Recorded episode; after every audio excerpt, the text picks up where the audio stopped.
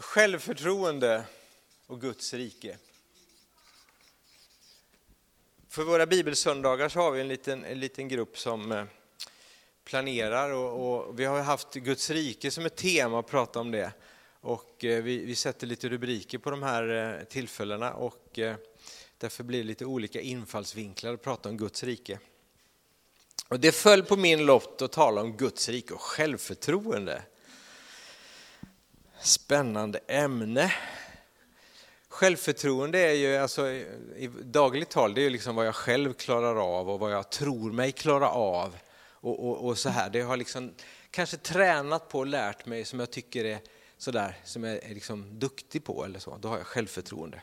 Har jag dåligt självförtroende så, så vågar jag inte, så gör jag inte, så kan jag inte. Mitt barnbarn frågade mig Eh, ett av mina barnbarn, efter, jag fick ju sjunga på när vi gjorde den här passionsspelsgrejen där, så, så, så var liksom, Niklas kastade ju där liksom så här, för att han som skulle göra det han inte öva in det liksom. Och då sa men då kan du ta det, sa Niklas så här. Och, men i alla fall, hon frågade mig efteråt så här när vi kom hem sen och käkade påskmiddag, så han, farfar sa hon, hur vågade du? Eh, det var ju så mycket folk. Jag tänkte, men jätte, en jättebra fråga egentligen. Jag tänkte, jag, jag undrar hur jag vågade egentligen. Jag tycker det är roligt att sjunga, det tycker hon också. Jag har hållit i en mick hundratals gånger, så det var inget nytt. Det fanns ett visst självförtroende i det. Jag tycker, jag på något sätt kunde sången, jag har hört den, jag har hört eh, Emanuel sjunga den. Och jag har hört eh, dem nere i Göteborg sjunga den. Jag hade liksom, det fanns tillräckligt många punkter så här, där jag kände så här, när Niklas sa det så här, ja men det kan jag göra. Förstår ni? Det, nu pratar vi om vanligt självförtroende då. Nu ska vi prata om självförtroende i Guds rike. Och då är det liksom en, en, en, en annan infallsvinkel. I, I Guds rike så bygger ju vårt självförtroende på vad, vad Gud har gjort och vad han gör. Eller hur? På hans kraft. Och då är det en viss skillnad för att mitt eget självförtroende kan ju gå både upp och ner, eller hur? Det kan vara någon som säger så här liksom efter man har gjort någonting, det där var bra. Och så känner man så här, det här kan jag göra hundra gånger till. Liksom. Är du med?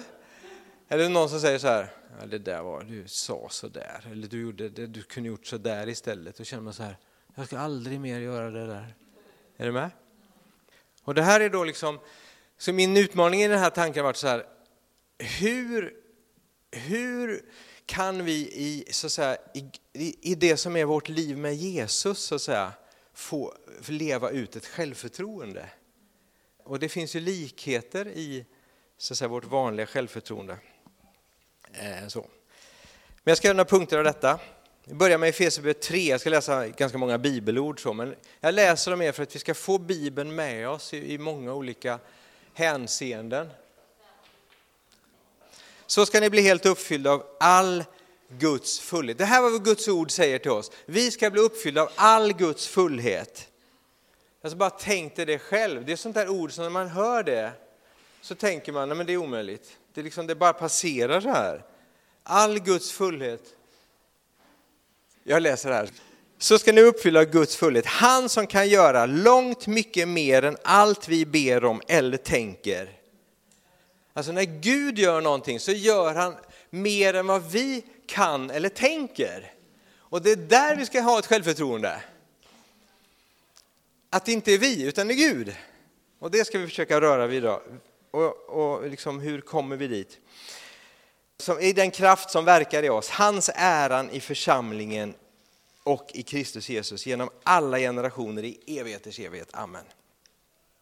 Paulus han talar ganska mycket i sina brev om, om självförtroende. Han säger sådana här ord som vi alla kan. Allt förmår jag i honom som ger mig kraft. Var vilar självförtroendet? I honom. Precis. Han säger så här, men denna skatt har jag i lerkärl för att den väldiga kraften ska vara Guds och inte komma från oss. Så hur får jag då självförtroende som, som kristen?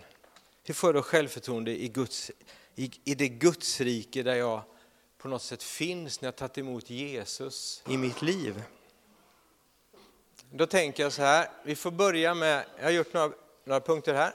Första punkten är, vad är sanningen? Vad är sanningen om min situation? Vad är, vad är sanningen? Vad, vad jag tror är viktigt i det här som, är, som blir min första punkt i det här.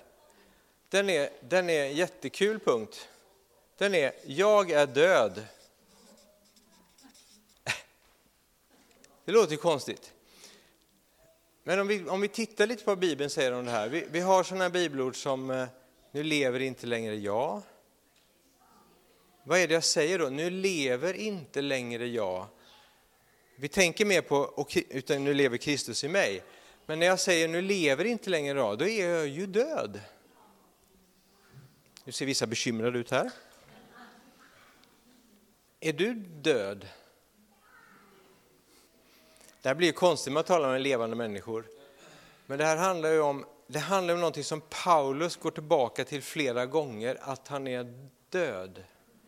Eller hur? I Kolosserbrevet 2 så står det så här, ni var döda genom era överträdelse och er oomskurna natur, men också er har han gjort levande. Paulus han går hela tiden tillbaka till att han är död till sitt gamla liv. Och jag tror att vi som troende, vi behöver ta döden på allvar.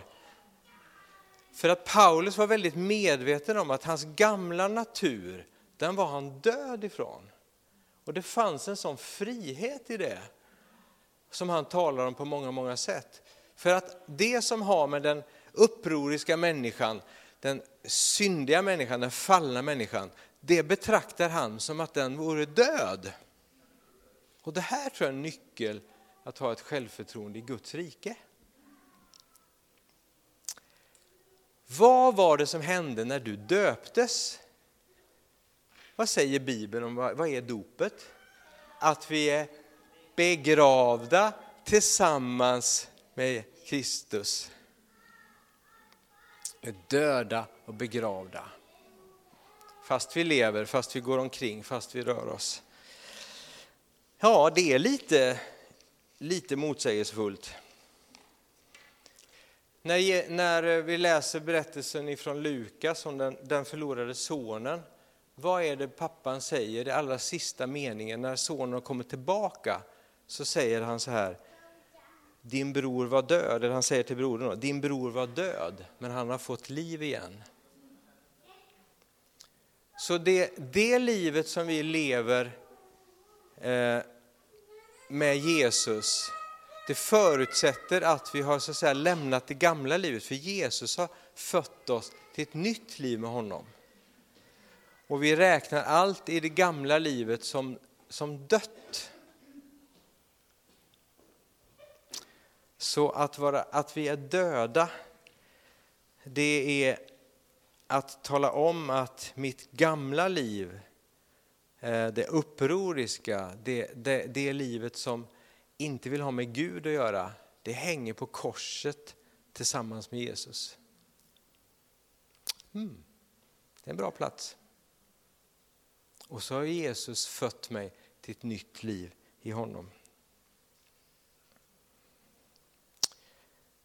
Eh, då accepterar jag, när jag har accepterat att mitt gamla liv är dött, så accepterar jag så att, säga, att jag har överlåtit mitt liv till Jesu herravälde. Att jag har gett Jesus all makt, att jag inte gör anspråk på makten själv, för nu lever Kristus i mig. Mm. Och vi tillhör ett annat rike. När vi är födda på nytt då tillhör vi det nya riket, Gudsriket, där vi lever. Där de här möjligheterna, där Guds fullhet bor. Vi lever i ett helt nytt rike. En fantastisk plats. Om vi inte är klara över att vi, att vi är döda till det gamla livet, då kommer det att kasta skam, och skuldkänslor och mindervärde över oss.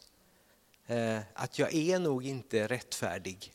Jag är nog inte okej okay i Guds ögon, för jag har ju gjort det där. Paulus som hade liksom dragit fram de kristna, dö, sett till att kristna blivit avrättade, han hade ju så mycket att skämmas för. Så mycket skuld. Så, sådana saker som han hade gjort. Hur kan en som Sebastian Staxet stå upp och frimodigt idag i Sverige förkunna Guds ord? Vad han har bakom sig? Jo, för att han ser, precis som Paulus, att det gamla livet, det är dött. Du behöver inte ens försvara det. är du med? Det kan bara ligga där. Och så lever jag med Kristus i det nya livet. Wow! Så när vi tänker efter på saker som vi liksom skäms och har skum, skuld och skam över, så får vi tänka, var hör det?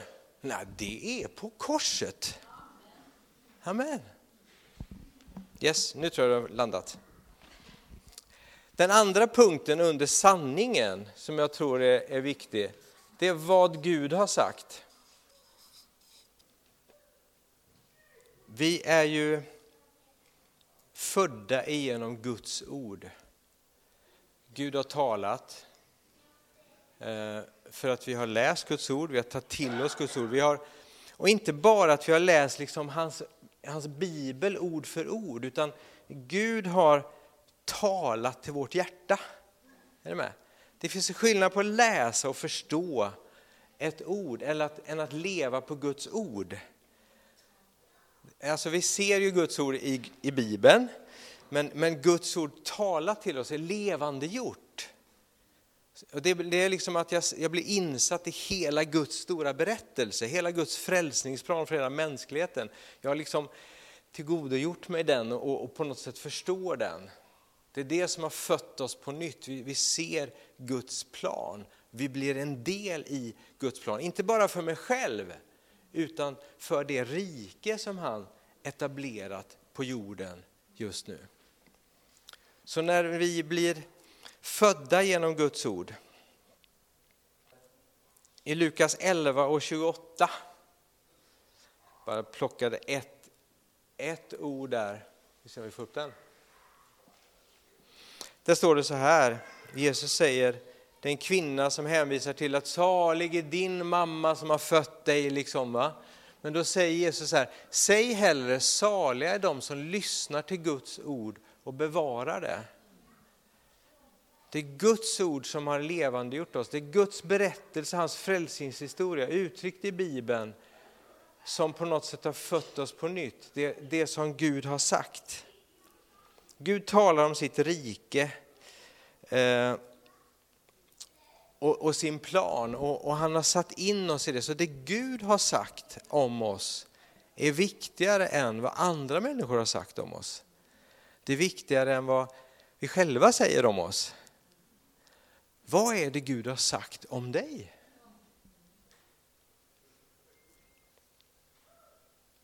Ta en liten stund och, och tänk så här, för att, att det här finns i flera plan. Det ena är att Gud har frälst dig, han har fött dig på nytt och sagt ja till Jesus. Det andra är vad, vad har Gud sagt till dig? Finns det saker Gud har talat i ditt liv? Det kan vara ett profetiskt ord, det kan vara saker du har upplevt. Vad är det Gud har sagt till dig? Vilket ord är det du lever av idag? Bara fundera lite på detta.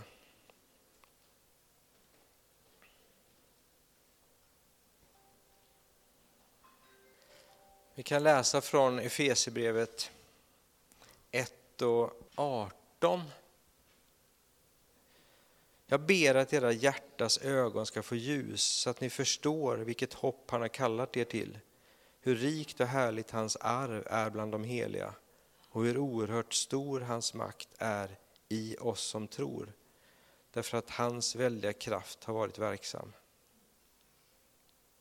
En tro som, som eh, sätter in mig i Guds rikesperspektivet, i, i helheten, i Guds frälsningsplan som Gud har talat. Jag satt, eh, jag har inte frågat eh, henne om lov, men jag tror jag får berätta. Det var en, vi kan säga så här, en kvinna i församlingen, hennes make dog och det var urnsättning. Vi satt tillsammans på en kyrkogård här uppåt landet till. Och det var någonting i hela den attityden. Vi kom några stycken, hon hade sin urnan med sig. Och eh, vi satt där, vi drack lite kaffe och sen tog vi urnan och hon hade kopierat upp ett par sånger och vi sjöng några sånger. Och så talade hon lite om sin man och hon satt där med urnan i handen. Och så, och så bad vi lite och delade något minne. Och, och sen satte hon ner urnan i jorden. Och så tackade vi Gud och vi grät lite och, och, och så, och så åkte vi över och käkade. Och det var, det var någonting i den där upplevelsen av att eh, det fanns liksom en helhet om liv och död. en respekt för livet, men också en förståelse för döden, för det, för det, vi, det livet vi lever. Och det fanns en sån tro på att som liksom gick utöver det här enkla, den här kalla kyrkogården på något sätt. Att, att eh, eh Gud bär igenom allt på något sätt. Det var en sån, ibland upplever man saker, är ni med? Man bär med sig ett minne. Jag tänker den där tron som inte är så där hysterisk och ska ha olika saker och jag ska ha det, jag ska ha det, jag ska ha det, jag ska ha det. Utan en tro som så att säga bär i mitt vardagsliv. Gud har sagt. Vad har Gud talat? Ibland kan vi vara så ambitiösa i våra liv så att vi ska, vi ska sträcka oss mot det väldigt andliga eller speciella. Men jag tror att Gud har gett oss en tro att leva det liv som vi lever, med den familj vi lever, med de vänner vi har, på den arbetsplats vi är. Det är där du är kallad att vara och leva Gudsriket. Det är där du är kallad att ha ett självförtroende för Gudsriket från Gud. Är du med? Så det finns en botten i det här som jag tror är viktig att få tag på för att vi kan ibland tänka så här, det kommer sen. Jag ska förbereda mig. Och liksom jag, Gud har större planer för mig, jag ska göra det och det. Ja, Gud har alltid större planer, det läste vi från början, hans fullhet är så stor. Men Gud vill någonting i ditt liv just nu. Ja, men om det inte har varit för mina ungar, vad de är så besvärliga. Eller om det inte varit för min fru, hon är ju hemsk. Ja, men förstår du?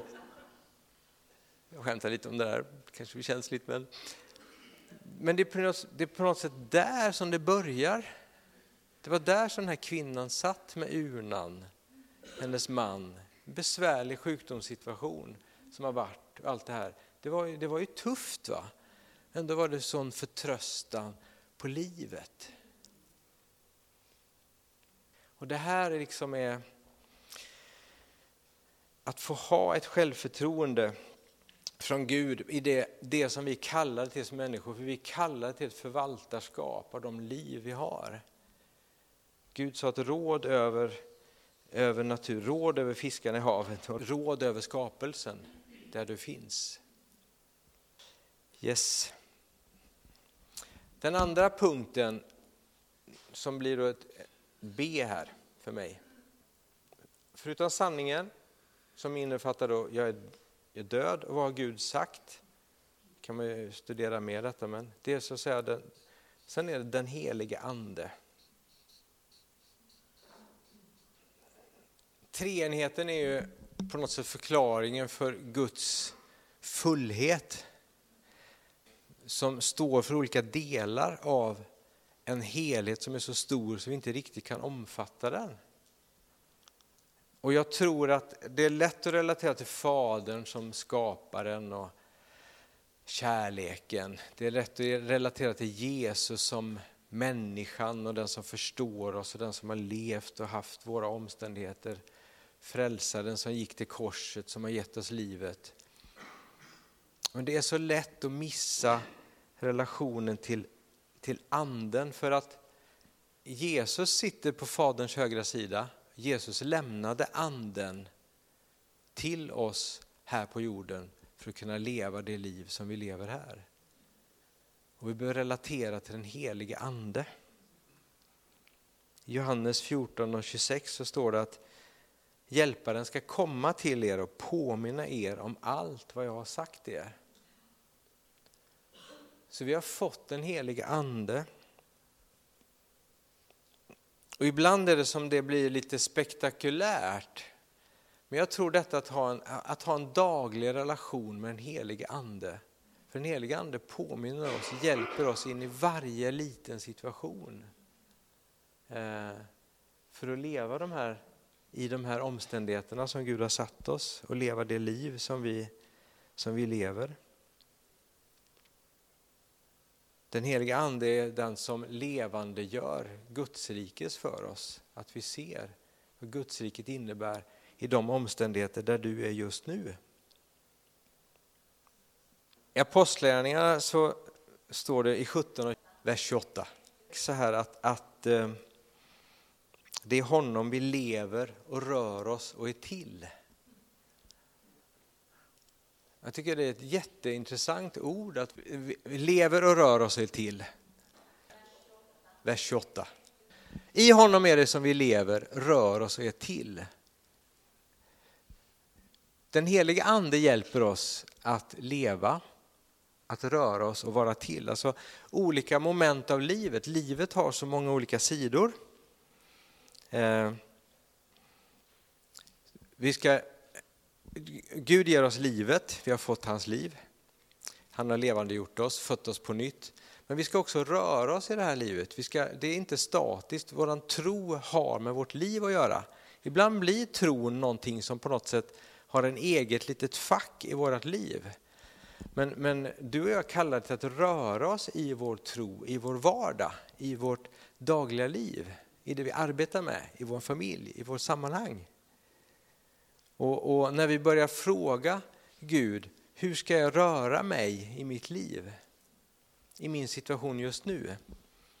Jag kanske har situationer och konflikter eller svårigheter i den situation jag står i.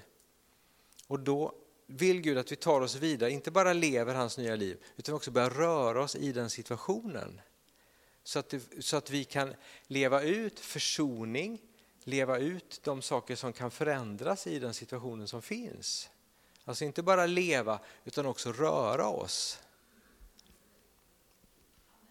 Amen.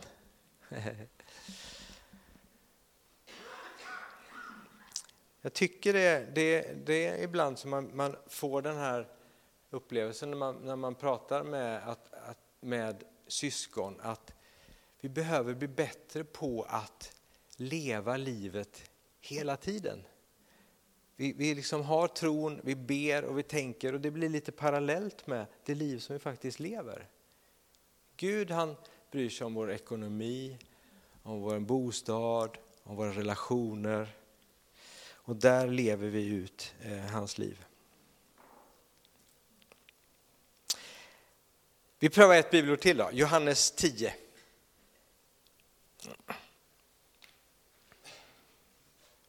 Jag säger er sanningen, den som inte går in i fårfållan genom porten utan tar sig in från annat håll, han är en tjuv och en rövare.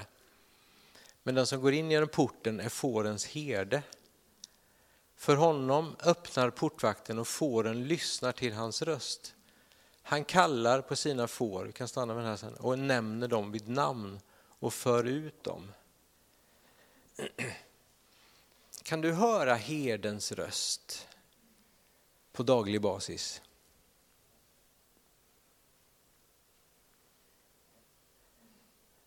Hör du herdens röst idag?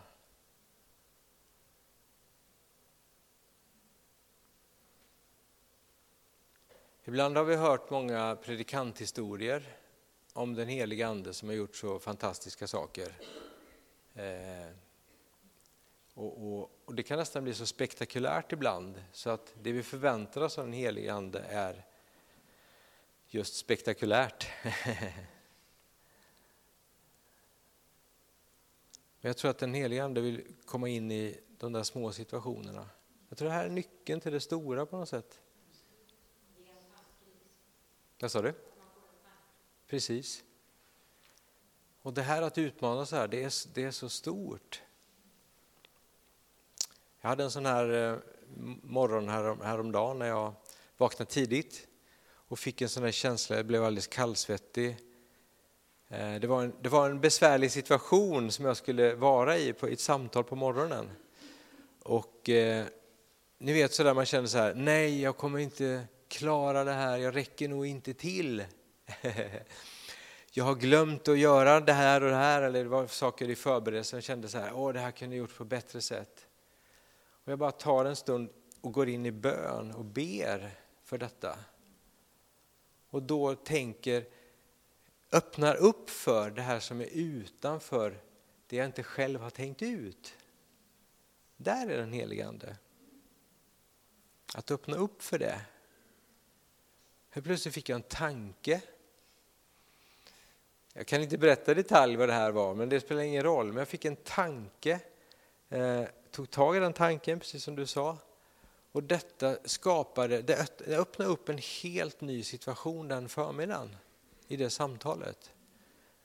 Eh, och jag tror det här är jag vet inte, jag kände bara för att trycka på det här, det här dagliga, det här lilla på något sätt. Inbjud den helige ande i det. För där är en sån nyckel. För utan detta så har jag inte ett självförtroende. För då blir det en overklighet eller spektakulärt att leva med en helig ande. Eller hur? Det är när, det, när den helige ande får verka i det här lilla i de här äh, situationerna som vi tränas. För det har just med det, hur många gånger hade Janne stått med micken? Ja, jättemånga gånger. Är du med? Hur många gånger har du liksom hört den heliga ande viska ett litet ord? När det här sker ett antal gånger, då skapar det ett självförtroende. Till slut så börjar det hända saker. När vi hela tiden väjar för saker som vi har svårt för, alltså om det finns konflikter, om det finns saker och vi inte blandar in Gud i det att ge det här lilla ordet, då kommer, det att bli, då kommer vårt kristna liv att bli som parallellliv istället för att det blir vårt verkliga liv.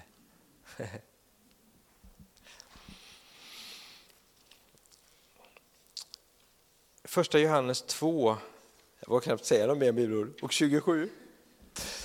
Vi prövar här får vi se.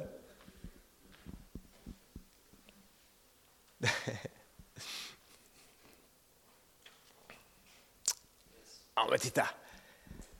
Det här är första Johannes brevet då, eh, Johannes som undervisar. Men smörjelsen ni har fått av honom förblir er.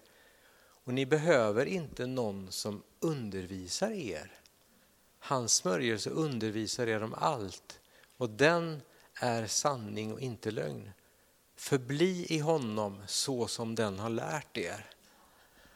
Det här står ju i ett sammanhang om antikrister och, och liksom en besvärlig tid, mycket åsikter och tankar. Och det här talar om en trygghet att jag hör heliga andes röst. Och jag är trygg i det. Det är inte hit och det är inte dit.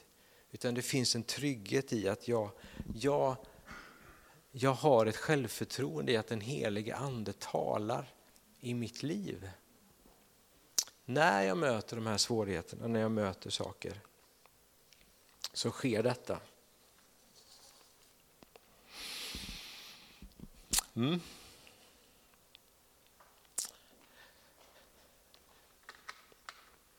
Och min, eh, det här var B-punkten, här kommer C-punkten. Bygg heliga jag kallar det heliga vanor. Man skulle bara kunna kalla det bygg vanor. Vi kallar det heliga vanor. Jag tror också är en nyckel för att eh, ha ett självförtroende i, i Gudsriket. Matteus 11, 28. Linda! Det här är sån där bibelställe som, som jag tror egentligen eh, kräver att vi tänker efter en gång till, för vi tänker redan att vi vet vad det betyder, men jag tror det betyder lite annat också. Kom till mig alla ni som arbetar och tyngda av bördor så ska jag ge er vila. Det är jättefint att läsa det här till alla som är trötta och slutkörda och utbrända och så. Och det är inget fel i det. Men vad handlar det om egentligen? Vi tar nästa vers också. Ta på er mitt ok och lär av mig, för jag är mild och ödmjuk i hjärtat. Då ska ni finna ro för era själar. För mitt ok är milt och min börda är lätt. Eh, Ja, det handlar om trötthet, men vad handlar om, vad, vad, pratar Jesus om det här i relation till? Han talar om det i relation till fariseernas ok, lagens ok. Eller hur? Han ställer det till de som lägger bördor på axlarna på människor. Gör detta, gör detta, gör detta, gör detta, gör detta, gör detta, gör detta. Tänk så här, tänk så här, tänk så här, tänk så här. Och Jesus han är ju väldigt, alltså när man läser Jesus-texterna så är Jesus väldigt upprorisk mot alla lagbuden på det sättet. Han talar om att sabbatsbudet, att ja, men det är till för människan. Liksom, va? Han talar om att eh, Paulus undervisar också om det här med ät inte detta, ät inte detta. Liksom bara lämna det, vi lever det nya livet. Och då är frågan, vad är då Jesu ok i skillnad mot fariseernas ok? Jag tror att i varje så att säga, kristen kontext så finns det förväntningar att göra på ett visst sätt och vara på ett visst sätt. Det finns bördor som läggs på. Och så finns det Jesu ok.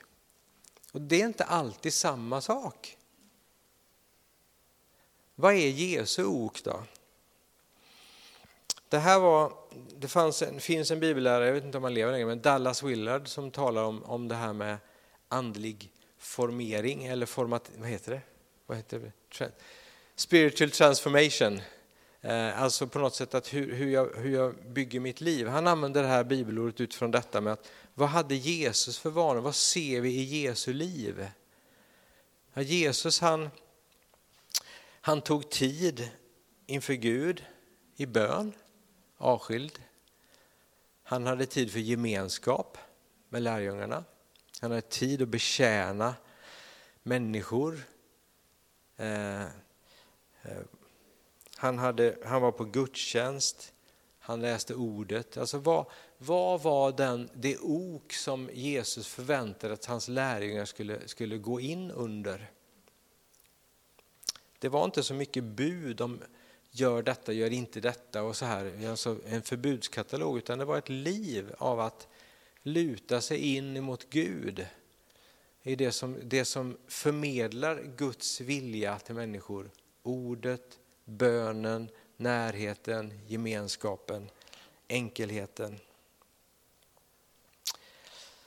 Och här tror jag att, att en, en nyckel i detta för oss med ett självförtroende, det är vilka vanor bygger vi in i vårt liv?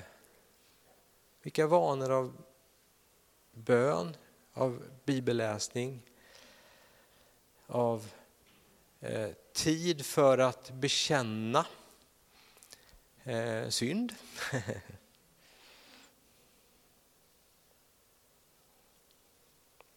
det som vi upprepar och det som vi Eh, gör ofta, det formar också oss som människor.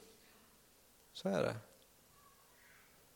Ja, ser du, jag har varit på hundratals möten, jag tycker inte det hjälper. Ja, det kanske inte är att gå på så många möten som möjligt heller.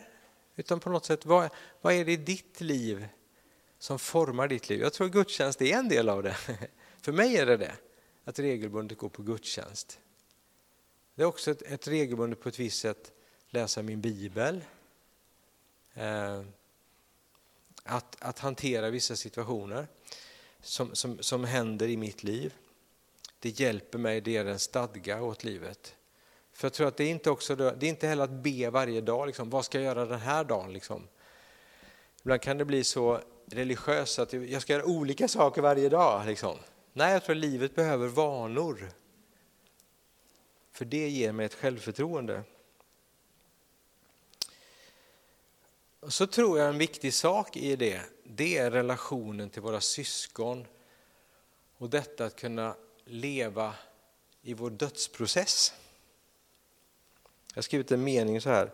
Om jag inte håller dödsprocessen vid liv kommer jag tappa självförtroendet. Tyckte det var en strålande mening. Vad menar jag med det? Jo, men jag tror om det inte finns några människor i, i min gemenskap där jag kan bekänna min dödsprocess. Alltså nu lever inte längre jag, utan Kristus lever i mig. Men jag har saker i mitt liv som poppar upp av självhävdelse, av stolthet, av synd, andra saker. Om jag inte har någon att bekänna det för, om jag inte har några syskon där jag lever i öppenhet med de här sakerna, då kommer jag drabbas av skam och skuldkänslor för att jag inte lever rätt. Så att säga, va? Men om jag har någon där jag kan bekänna för och vara öppen, om jag håller så här min dödsprocess, vi lever ju fortfarande i den här tiden att Jesus har ju fortfarande ännu inte liksom förvisat djävulen i den där sjön. Så vi lever under påverkan av fienden i den här tiden, är ni med? Och jag blir frestad till saker. Men jag lever mitt nya liv med Jesus. Men jag behöver ibland få lasta av mig saker i mitt liv som hör till den gamla människan. Om jag kan hitta de vanorna med några syskon för att göra det så kommer det att hjälpa mig. Det tror jag, det tror jag behöver vara en av de vanorna som jag har i mitt liv. I vissa traditioner så går man och biktar sig. Jag satt och pratade med någon som, som kommer från en katolsk tradition och, och det, var, det var så fint att höra hur han berättade hur, hur viktigt det var för honom att gå till bikt. Liksom. Fanns det varje vecka var det detta att bara tömma ut sina grejer så här. Så här. Är ni med? Och vi frikyrkliga, så här, om vi raljerar med oss själva, liksom, vi, vi, vi, går och håller på det där och försöker vara bättre än vi är hela tiden. Hålla uppe något sken liksom. Nej, jag tror vi behöver ha någon där vi kan vara verklig inför. Som han, eh, var det Wesley de som hade helig, heliga klubben eller var det så? Wesley och John Wesley, en, en kända förkunnare, som, som de hade en heliga klubben där de liksom, första punkten som de gjorde när de träffades var att de, de bekände alla synder de hade gjort sedan de såg sist.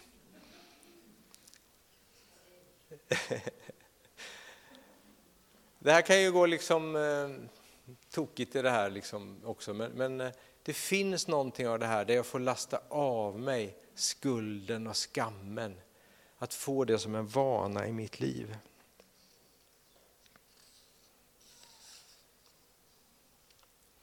För det handlar ju om att förnyas, att få en förnyelse i mitt liv genom den heliga Ande för att få ett självförtroende. Och Det handlar om att jag inte anpassar mig till den här världen utan att jag förnyas i mitt sinne, som det står i Romarbrevet 12 och 2.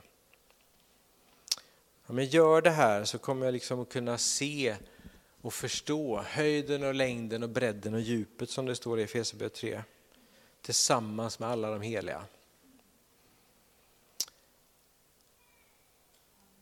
att vi får leva liv som är omedelbara på det sättet att, att Gud är med mig här och nu, hela tiden. Vi kristna är egentligen experter på att förbereda oss. Ett härligt möte till, sen kanske jag vågar vittna för någon. Jag känner igen tankegången i det. Bara liksom ett härligt möte till. Eller så är det, är det precis tvärtom. Att vi är födda på nytt och vi lever i hans rike här och nu. Att det liksom nu, jag, kan bara, jag kan bara gå ut i det här. Jag kan bara ta ett steg så är jag i det här nya livet. För jag har lämnat av mig det gamla livet. Jag är korsfäst, jag är död. Jag vet vad Gud har sagt om mig. Jag kan bara stå här och bara så här, ja men vi måste be om väckelse. Ursäkta nu då. Raljerar om något så heligt som att be om väckelse. Vi måste be om väckelse. Jag får bara göra det. Och vi måste bara be om väckelse. men tänk vad väckelsen är här.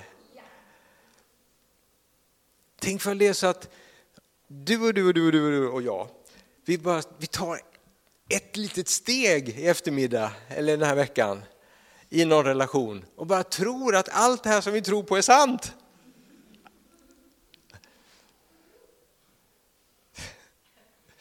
Det låter fånigt när man säger så. Och så gör vi det. Nej, jag har inte självförtroende för det. Ett möte till, bara ett möte till. Vi tar ett härligt möte till. Sen, nej, jag tror att det där, det där är möjligt här och nu. Jag tror det finns tider och säsonger där, där Guds ande verkar i, i större, jag ska inte så säga, säga emot det, men i större sammanhang på det sättet att det sker saker och att det väcks, startar bön och olika sådana initiativ. Men jag tror vi ofta väntar för länge. Jag tror att vi kan ha, vi borde kunna ha ett bättre självförtroende redan här och nu. I varje situation. Så vad är sanningen? Jag är död. Vad har Gud sagt om dig? Finns det några profetiska ord som ligger kvar och lurar som du har fått? kanske finns något där i alla fall. Vi kanske bara slängt undan det för vi kände att det blev så jobbigt. Ja. Den heliga ande, vad är relationen den heliga ande just nu? För det är han som Gud har sänt till, här, till jorden just nu som jobbar med Jesus är med Fadern där uppe och Jesus är vår bästa vän. Allt vad det är. Men heliga ande levandegör och säger saker just nu. Och vilka vanor skapar vi i våra liv? För att eh, få ett självförtroende att leva det liv som, som är tänkt. Amen. Herre, vi tackar dig för att, att du har levande gjort oss, Herre. Tackar dig för din heliga Ande.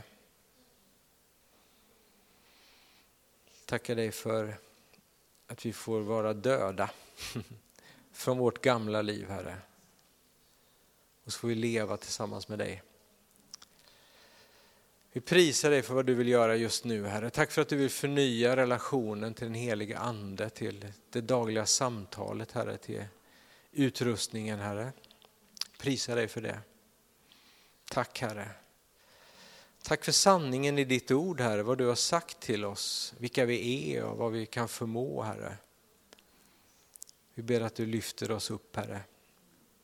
Att vi kan fatta bredden och längden, höjden och djupet tillsammans med alla de heliga, Herre. Tack för att det inte handlar om en jag-kristendom här, utan det är en vi-kristendom och det är du och vi, Herre, som tillsammans får göra det här. Herre. Tack Jesus. Tack att du hjälper oss, Herre.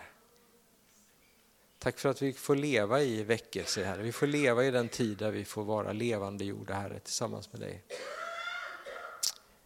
ber vi om i Jesu namn. Amen.